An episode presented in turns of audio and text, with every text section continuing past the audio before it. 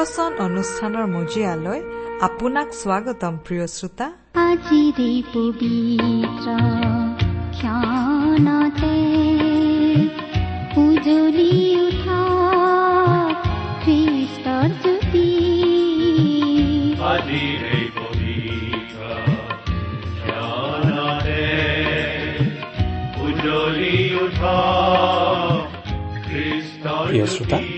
আপোনাক পুনৰ লগ পোৱাৰ বাবে অশেষ ধন্যবাদ।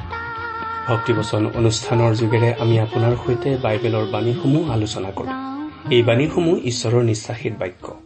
এই বাক্যই আমাৰ চৌপাশে থকা সকলোবোৰ দৃশ্য অদৃশ্য অনেক বিষয়ৰ সৃষ্টি কৰিব এই বাক্যই মানুহৰ জীৱন। প্ৰভু যীশুৱে কৈছিল মানুহ কেৱল পিঠাৰে নিজিয়ে কিন্তু ঈশ্বৰৰ মুখৰ পৰা ওলোৱা বাক্যেৰেহে জীৱ। সঁচাকৈয়ে শৰীৰটো নিমিত্তে আমি ভাত পানী ফল মূল খাব লাগে। সেয়াই ঈশ্বৰেই আমালৈ দিছে। কিন্তু আমাৰ আত্মিক আহাৰ ঈশ্বৰৰ বাক্য যদি আমি গ্ৰহণ নকৰো তেন্তে আমাৰ আত্মিক জীৱনটো মৰি যাব। সেইকাৰণে আমি নিয়মিত ঈশ্বৰৰ বাক্য ভক্তিবচনৰ যোগেৰে প্ৰচাৰ কৰি আছো যাতে আপুনি এই বাক্য গ্ৰহণ কৰি ঈশ্বৰৰ জীৱনত জীয়াই থাকিব পাৰে। আহক আজি আকৌ ঈশ্বৰৰ জীৱনদায়ক বাক্য ভক্তিবচন শুনো জগতে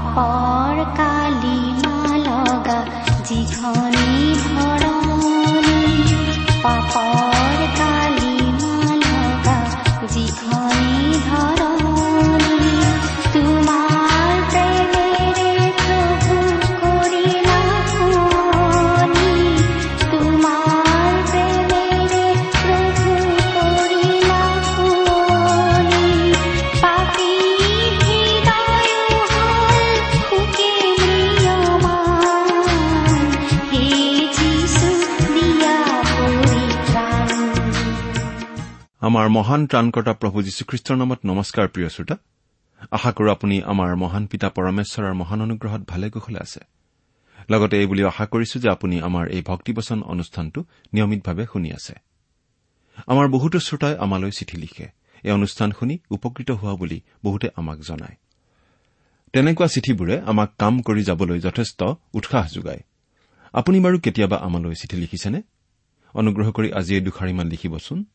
এই অনুষ্ঠানযোগে প্ৰচাৰ কৰা কোনো কথা অধিককৈ বুজিবলগীয়া থাকিলেও আমালৈ লিখিব পাৰে। আহকচোন আজিৰ বাইবেল অধ্যয়ন আৰম্ভ কৰাৰ আগতে খন্তেক প্ৰাৰ্থনাত মূৰ দুৱাওঁ হওক। আমি প্ৰাৰ্থনা কৰো। আমাৰ স্বৰ্গত থকা মৰমীয়াল পিতৃ ঈশ্বৰ তোমাক ধন্যবাদ জনাওঁ। কাৰণ তোমাৰ মহান বাক্য বাইবেল শাস্ত্ৰ অধ্যয়ন কৰিবলৈ তুমি আমাক আকৌ এটা সুযোগ দান কৰিছা। তোমাক শতকোটিবাৰ ধন্যবাদ জনাওঁ কাৰণ তুমি তোমাৰ একেজাত পুত্ৰ যীশুখ্ৰীষ্টৰ জৰিয়তে আমালৈ অনন্ত জীৱনৰ আশীৰ্বাদ বিনামূল্যে আগবঢ়াইছা। এতিয়া আহা তোমাৰ বাক্য তুমিয়েই আমাক বুজাই দিয়া। আমাৰ মৰমৰ শ্ৰোতাসকলক উপচি পৰাকৈ আশীৰ্বাদ কৰা। তেওঁলোকৰ সকলো প্ৰয়োজনৰ কথা তুমিহে ভালদৰে জানা আৰু সেই সকলো তুমিয়েই পূৰণ কৰা। কিয়নো এই প্ৰাৰ্থনা আমাৰ মহান ত্ৰাণকৰ্তা প্ৰভু যীশুখ্ৰীষ্টৰ নামত আগবঢ়ালো।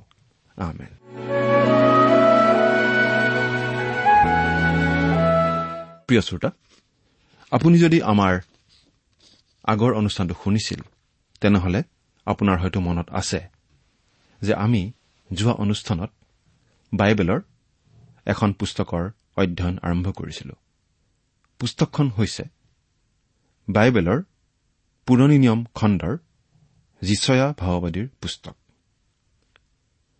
আৰু যোৱা অনুষ্ঠানত আমি এই জীচয়া পুস্তকখনৰ চমু পৰিচয় মাত্ৰ আগবঢ়াই আমাৰ আলোচনা আৰম্ভ কৰিছিলো। আজি আমি এই জীচয়া পুস্তকৰ এক নম্বৰ অধ্যায়ৰ আলোচনা আৰম্ভ কৰিব খুজিছো। প্ৰিয় শ্ৰোতা যিচয়া এক নম্বৰ অধ্যায়ত আমি পাওঁ সদাপ্ৰভু ঈশ্বৰে বৰ গুৰুত্ব সহকাৰে গোটেই বিশ্বকেই তেওঁৰ বিচাৰৰ দৰবাৰত উপস্থিত থাকিবলৈ আহান জনাইছে। আৰু ইছৰাইল জাতিৰ বিৰুদ্ধে তেওঁৰ যি কবলগীয়া আছে তাক শুনিবলৈ কৈছে। যিচয়াই এক উদ্বেগ ভৰা সময়ত জীৱন যাপন কৰিছিল। বহু ক্ষেত্ৰত ইতিহাসৰ এই সময়ছোৱা বৰ কঠিন সময় আছিল। পৃথিৱী কঁপোৱা ঘটনাবোৰ ঘটিছিল। বিলাই বিপত্তিজনক আৰু ৰাজ্য বিপ্লৱৰ ঘটনাবোৰ মূৰ দাঙি উঠিছিল। সামাজিক বিশৃংখলতাই গা কৰি উঠিছিল। উত্তৰৰ এটা জাতি শক্তিশালী হৈ উঠিছিল আৰু এই শক্তিয়ে বিশ্ব বিজয়ী হোৱাৰ পথ লৈছিল। অতি নিষ্ঠুৰ বুলি পৰিচিত যি অচুৰীয়া জাতিয়ে যুদ্ধক্ষেত্ৰত ইয়াৰ সৈন্য সামন্ত মেলি দি বিশ্ব বিজয়ী হোৱাৰ পথত আগবাঢ়িছিল। উত্তৰৰ ইছৰাইলীয় ৰাজ্যৰ ইতিমধ্যেই অচুৰীয়া সৈন্যৰ আক্ৰমণত পতন ঘটিছিল। দক্ষিণৰ জিহুদা ৰাজ্যখনো বৰ সংকটাপন্ন অৱস্থাত আছিল কাৰণ এক লাখ পঁচাশী হাজাৰ ওচৰীয়া সৈন্যই গোটেই জিৰচালেম নগৰখনকেই অৱৰোধ কৰি ৰাখিছিল। এনেহেন এটা চৰম বিপদৰ দিনত হিচকিয়া ৰজাই মন্দিৰত প্ৰৱেশ কৰি প্ৰাৰ্থনাৰে ঈশ্বৰৰ ওচৰত আৰাও জুৰিছিল। সেয়েহে ঈশ্বৰে উৎসাহজনক খবৰেৰে তেওঁৰ ভাৱবাদীগৰাকীক প্ৰেৰণ কৰিছিল। সেই ভাৱবাদীগৰাকীয়ে জনাইছিল যে ওচৰীয়াই জিৰচালেমত কেতিয়াও প্ৰৱেশ নকৰিব জিহুদাক পৰাস্ত কৰিব নোৱাৰিব। কিন্তু তাৰ পাছতো যদি জিহুদাই ঈশ্বৰলৈ নুঘূৰে তেন্তে তেওঁ ইউফ্ৰেটিছ নৈৰ উপত্যকাত বাস কৰা আন এটা পৰাক্ৰমী বিজাতীয় জাতিক জিহুদাৰ বিৰুদ্ধে প্ৰস্তুত কৰি ৰাখিছিল আৰু সেই জাতিয়েই জিহুদাক আক্ৰমণ কৰি বন্দী কৰি লৈ যাব। জিহুদাক ঈশ্বৰে আৰু এটা সুযোগ দিছিল। তেওঁৰ নিজৰ উদ্দেশ্যৰ দৰে ন্যায় স্থাপন কৰিবলৈ ঈশ্বৰে জিহুদাক বিচাৰৰ দৰবাৰলৈ মাতি আনিছিল। তেওঁ জিহুদাক তেওঁৰ ন্যায়ৰ বিচাৰালয়ত থিয় কৰোৱাইছিল। তাৰ বিৰুদ্ধে ঈশ্বৰে যি অভিযোগ আনিছিল সেই অভিযোগৰ জবাব দিবলৈ ঈশ্বৰে জিহুদাক সুযোগ দান কৰিছিল যাতে সি ঈশ্বৰৰ ৰায় দান শুনে আৰু তেওঁৰ ন্যায় বিচাৰৰ দয়াত আত্মসমৰ্পণ কৰে। ঈশ্বৰ ন্যায়বান হয় নে নহয় তাকে জানিবলৈ ঈশ্বৰে আমাক সকলোকে তেওঁৰ বিচাৰ স্থানলৈ মাতে। বিচাৰৰ আসনত বহা এই সত্য আৰু ন্যায়বান ঈশ্বৰে জিহুদা আৰু ইছৰাইলৰ ক্ষেত্ৰত যেনেদৰে বিচাৰ নিষ্পত্তি কৰিছে তাক আজিৰ ঈশ্বৰবিহীন জগতে জনা ভাল। কেৱল ভালেই কিয় জনাটো অতি প্ৰয়োজন। কাৰণ আজিৰ অহংকাৰী আৰু অবুজ জগতখনে ভাবে যে ঈশ্বৰ এতিয়া আৰু বিচাৰৰ স্থানত নাই। কৰ্তৃত্ব বাহাল ৰাখিব পৰাৰ পৰা বঞ্চিত হৈছে আৰু তেওঁৰ অসাধাৰণ ক্ষমতা তেওঁৰ পৰা কাঢ়ি লোৱা হৈছে। বিশ্বৰ তেওঁ নৈতিক শাসক হৈ থকা নাই। তেওঁৰ ক্ষেত্ৰত এনে চিন্তা হৈছে এটা জঘন্য ঈশ্বৰ নিন্দা। তেওঁ এতিয়াও বিশ্বৰ নৈতিক শাসক।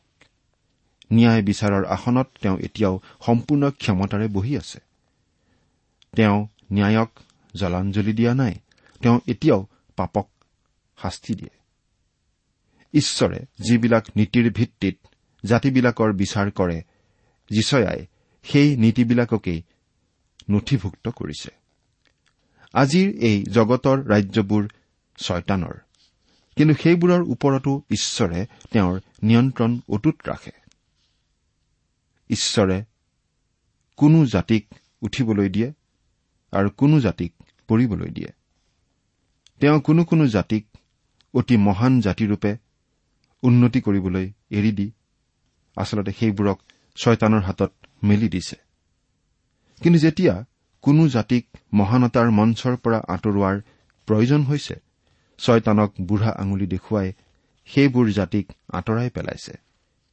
এই ক্ষেত্ৰত যিহুদী জাতিটো ব্যতিক্ৰম নহয় যদিও এই জাতিটো তেওঁৰ নিজৰ মনোনীত জাতি।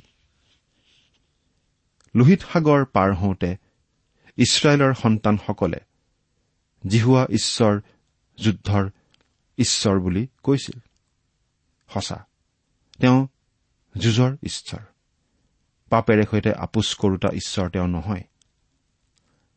আত্মসমৰ্পণৰ শুক্ল পতাকা তেওঁ মানি নলয়।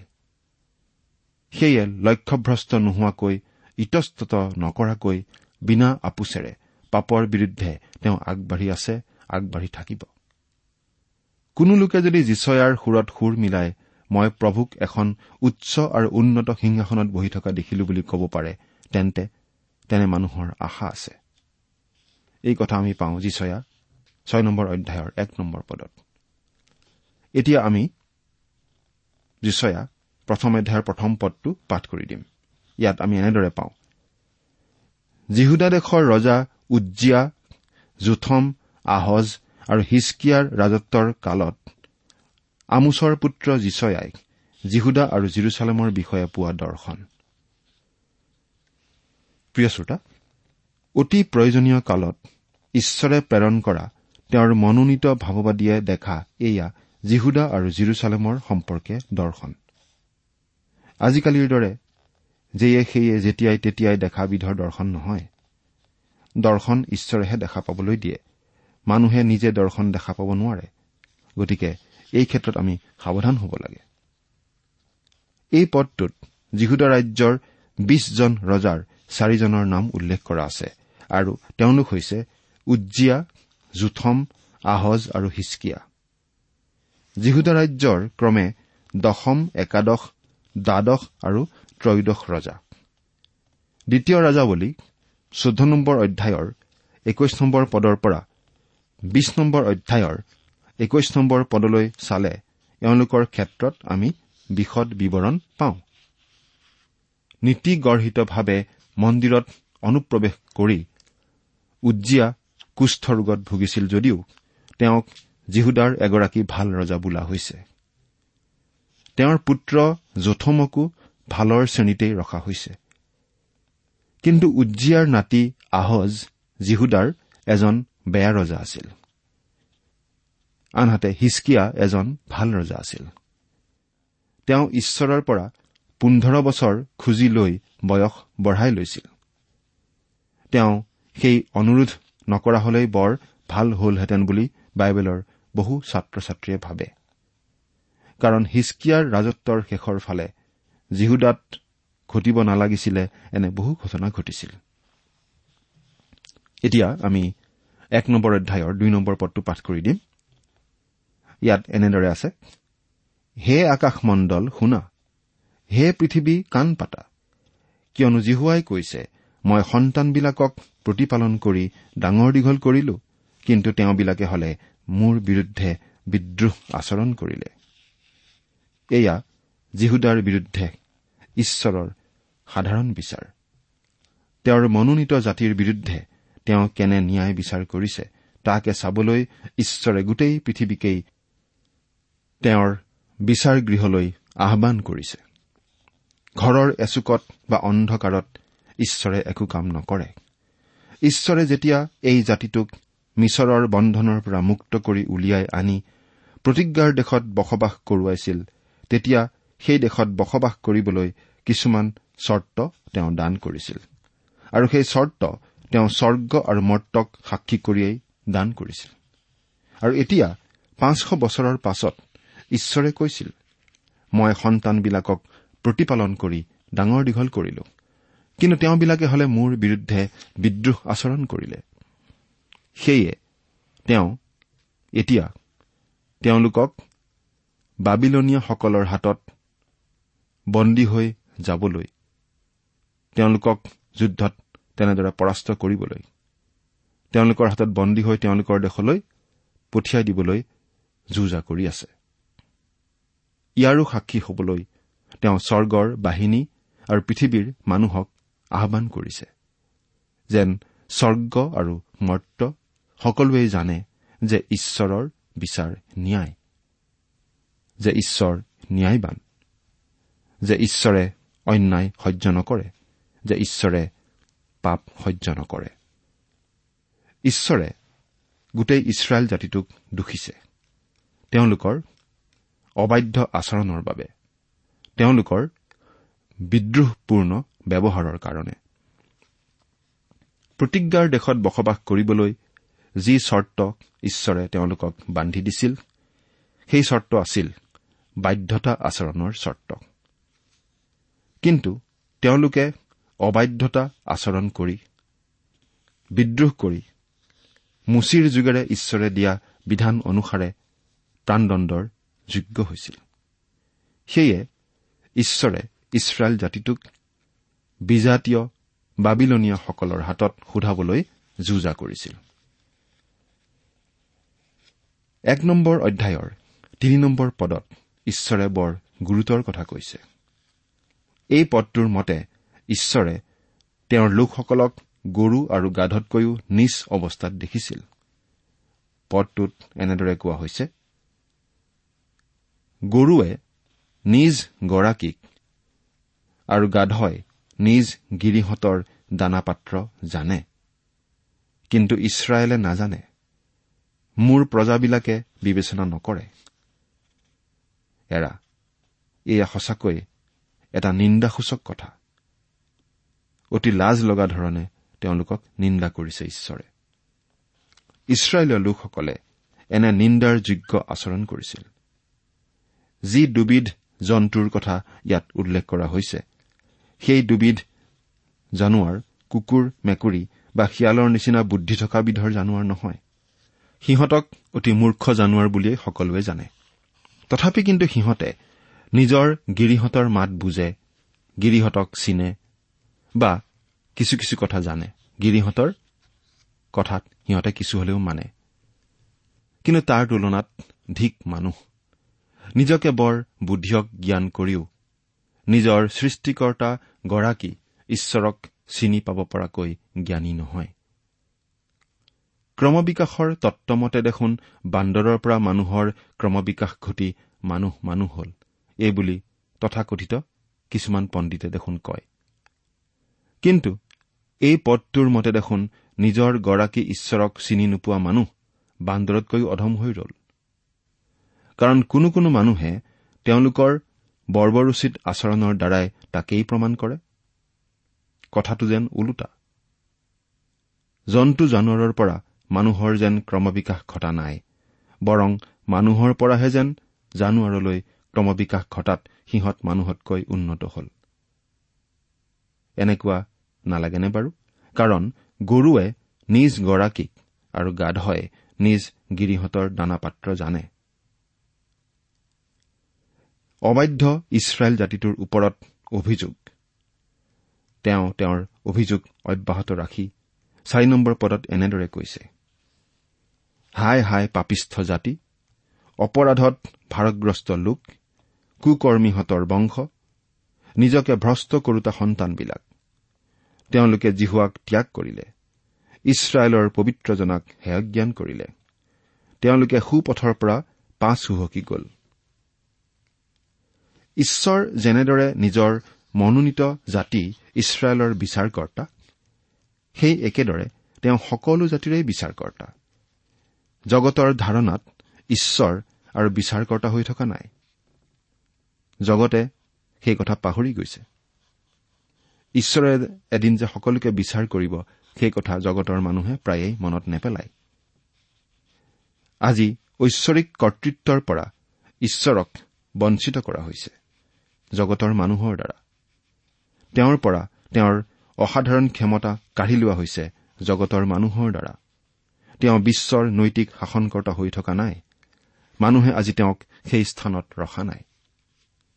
মানুহে আজি আনকো তেনেধৰণেই শিকাইছে।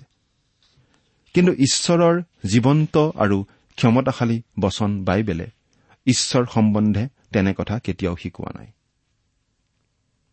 ঈশ্বৰে তেওঁৰ মনোনীত লোকক বিচাৰ কৰাৰ দৰে সকলোৰে এদিন বিচাৰ কৰিব। এই কথা বাইবেলে আমাক শিকাইছে। এই পদটোত কোৱা হৈছে যে ইছৰাইল জাতিটো পিছ হুহকা জাতি।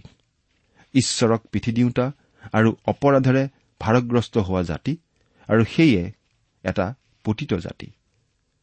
প্ৰতিটো জাতিৰ পতনৰ অন্তৰালত তিনিটা কাৰণ থাকে আৰু সেই কাৰণ তিনিটা আমি এফালৰ পৰা উল্লেখ কৰিব খুজিছো। এক নম্বৰ কাৰণটো হৈছে ঈশ্বৰ বিশ্বাসৰ পৰা খহি পৰা। অৰ্থাৎ যেতিয়া সেই জাতিটোৱে ঈশ্বৰত বিশ্বাস নকৰা হয় তেতিয়া সেই জাতিটোৰ পতন হয়। দ্বিতীয়তে নৈতিক আচৰণৰ ঘূৰ পতন। অৰ্থাৎ যেতিয়া সেই জাতিৰ মানুহে নৈতিকতাক জলাঞ্জলি দি যি খুচি তাকে কৰিবলৈ লয় তেতিয়া সেই জাতিৰ পতন হয়। আৰু তৃতীয়তে ৰাজনৈতিক অৰাজকতা। আৰু এই কথা আমি বুজাই নকলেও বুজি পাওঁ। ঈশ্বৰ বিশ্বাসহীন মানুহে প্ৰথমটো পতনত কাণসাৰ নকৰে। কাণসাৰ কৰাৰ প্ৰয়োজন থকা বুলি নাভাবে। কিন্তু সৰ্বশেষত যেতিয়া ৰাজনৈতিক অৰাজকতাই গা কৰি উঠে তেতিয়াহে চিঞৰ বাখৰখন লগাই ভাবে যে চৰকাৰখন সলনি কৰিব লাগে। কিন্তু আচল সমস্যাটো চৰকাৰখনত নাথাকে। জিৰচালেমত যি সমস্যাৰ সৃষ্টি হৈছিল সেয়া ৰজাৰ ৰাজদৰবাৰত আৰম্ভ হোৱা নাছিল। কিন্তু সমস্যাটোৰ আৰম্ভণ হৈছিল ঈশ্বৰ সেৱাৰ মন্দিৰত। অৰ্থাৎ সমস্যাটোৰ আৰম্ভণ হৈছিল যেতিয়া মানুহ ঈশ্বৰ বিশ্বাসৰ পৰা খহি পৰিছিল। আন কথাত এটা জাতি যেতিয়াৰে পৰা আম্মিক জীৱনৰ পৰা খহি পৰে তেতিয়াৰে পৰাই সেই জাতিটোৰ সকলো প্ৰকাৰে পতন ঘটিবলৈ আৰম্ভ হয়।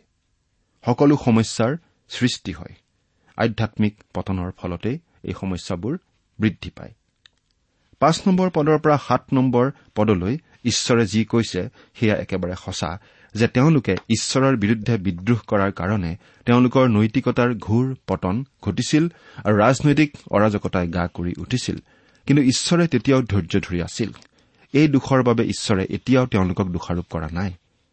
আঠ আৰু ন পদত ঈশ্বৰে তেওঁলোকক জানিবলৈ দিছে যে ইছৰাইলৰ মাজত বিশ্বাসকাৰীসকলৰ মাজৰ কিছু অৱশিষ্ট নথকাহেঁতেন গোটেই জাতিটোৱেই চদুম আৰু ঘমুৰাৰ দৰে সমূলঞ্চে ধ্বংস হলহেঁতেন।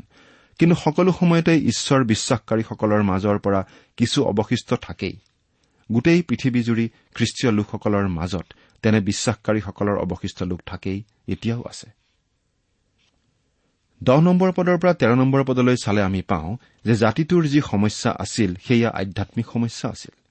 যীহুদাই যি কৰি আছিল সি অতি কৃত্ৰিম আছিল। যি কৰিছিল সেয়া আছিল কেৱল আনুষ্ঠানিকতা। যি কৰিছিল তাক আন্তৰিকতাৰে কৰা নাছিল। আন্তৰিকতাহীনভাৱে ঈশ্বৰৰ আদেশ পালন কৰিলেও তাত ঈশ্বৰ সন্তুষ্ট নহয় কাৰণ ঈশ্বৰ প্ৰবঞ্চিত নহয়। তেওঁক ভাণ্ডনা কৰা নাযায়। জাতিটোৱে ঈশ্বৰৰ আদেশসমূহৰ সকলো আনুষ্ঠানিকতা পালন কৰিছিল ঠিকেই কিন্তু অন্তৰত হলে তেওঁলোকৰ ঈশ্বৰৰ বিৰুদ্ধে বিদ্ৰোহ স্তূপীকৃত হৈ আছিল। প্ৰিয় শ্ৰোতা আমাৰ বহুতৰ ক্ষেত্ৰতো ঈশ্বৰে আজি তাকেই দেখা নাপাবনে বাৰু?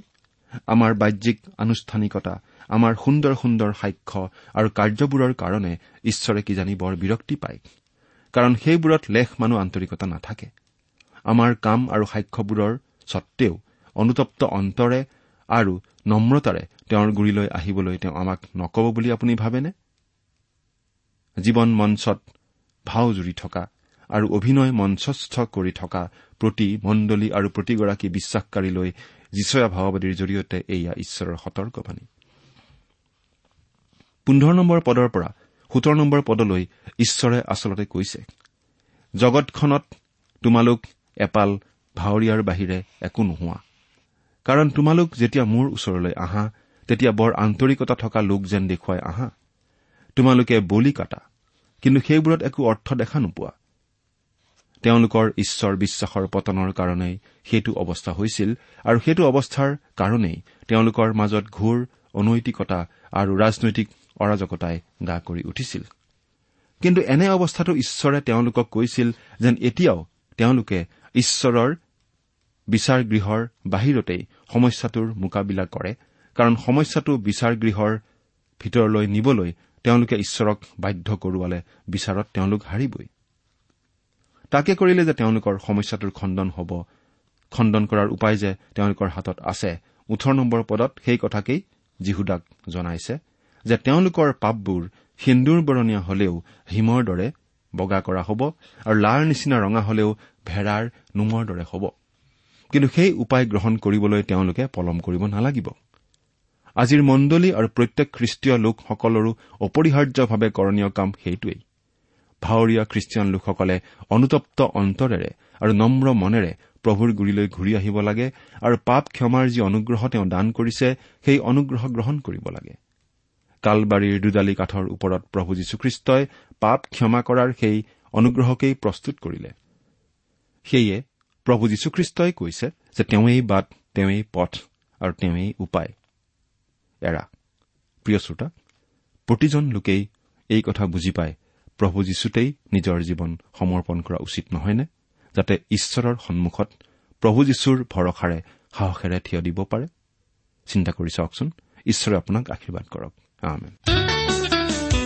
ইমান পৰে আপুনি বাইবেল শাস্ত্ৰৰ পৰা ঈশ্বৰৰ বাক্য শুনিলে। এই বিষয়ে আপোনাৰ মতামত জানিবলৈ পালে আমি নথৈ আনন্দিত হ'ম। আমি প্ৰস্তুত কৰা বাইবেল অধ্যয়নৰ চিডিসমূহ পাব বিচাৰিলে আৰু অনুষ্ঠানত প্ৰচাৰ কৰা কোনো কথা বুজিব লগা থাকিলেও আমালৈ লিখক আমাৰ যোগাযোগৰ ঠিকনা ভক্তিবচন ট্ৰান্সৱৰ্ল্ড ৰেডিঅ' ইণ্ডিয়া ডাক বাকচ নম্বৰ সাত শূন্য গুৱাহাটী সাত আঠ এক শূন্য শূন্য এক। ঠিকনাটো আকৌ এবাৰ কৈছো ভক্তিবচন ট্ৰান্সৱৰ্ল্ড ৰেডিঅ' ইণ্ডিয়া ডাক বাকচ নম্বৰ সাত শূন্য গুৱাহাটী সাত আঠ এক শূন্য শূন্য এক। আমাৰ ইমেইল এড্ৰেছটো হৈছে Assamese T TV at the rate radio' eight eight two dot com. আমাৰ website W W W dot T W R dot in. জীৱন বাটত ইমান নিৰাশা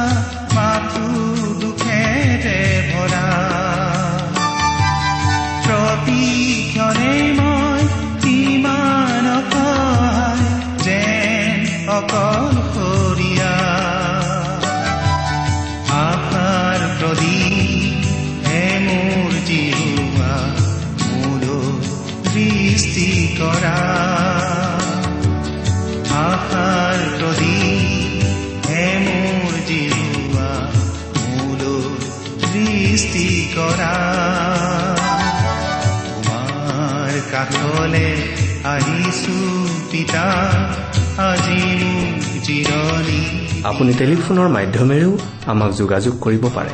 আমাৰ টেলিফোন নম্বৰটো হৈছে nine eight five four zero' four zero' eight eight nine.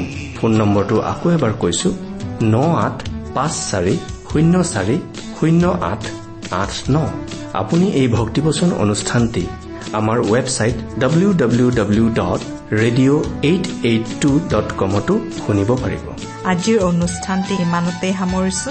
ঈশ্বৰৰ শান্তি আৰু অনুগ্ৰহ আপোনাৰ লগত থাকক। ধন্যবাদ। মোৰে জীৱন আজি সপিলো যিছু তোমাৰে কাষ প্ৰতিশ্ৰুতি মোৰ তোমাৰ চৰণ চলিম তোমাৰে পথ মাথো আজি তোমাৰ প্ৰেমেৰে জীৱন পূৰ্ণ কৰা মাথো আজি তোমাৰ প্ৰেমেৰে জীৱন পূৰ্ণ কৰা তোমাৰ কাষলে আহিছো পিতা আজি মোক জিৰণি দিয়া। তোমাৰ কৰোণা মাগিছো পিতা তুমি মোক সাৱতি লোৱা তোমাৰ কাষলে আহিছো পিতা আজি মোক জিৰণি দিয়া। তোমাৰ কৰোণা মাগিছো পিতা তুমি মোক সাৱতি লোৱা তুমি মোক জিৰণি দিয়া। তুমি মোক সাৱতি লোৱা।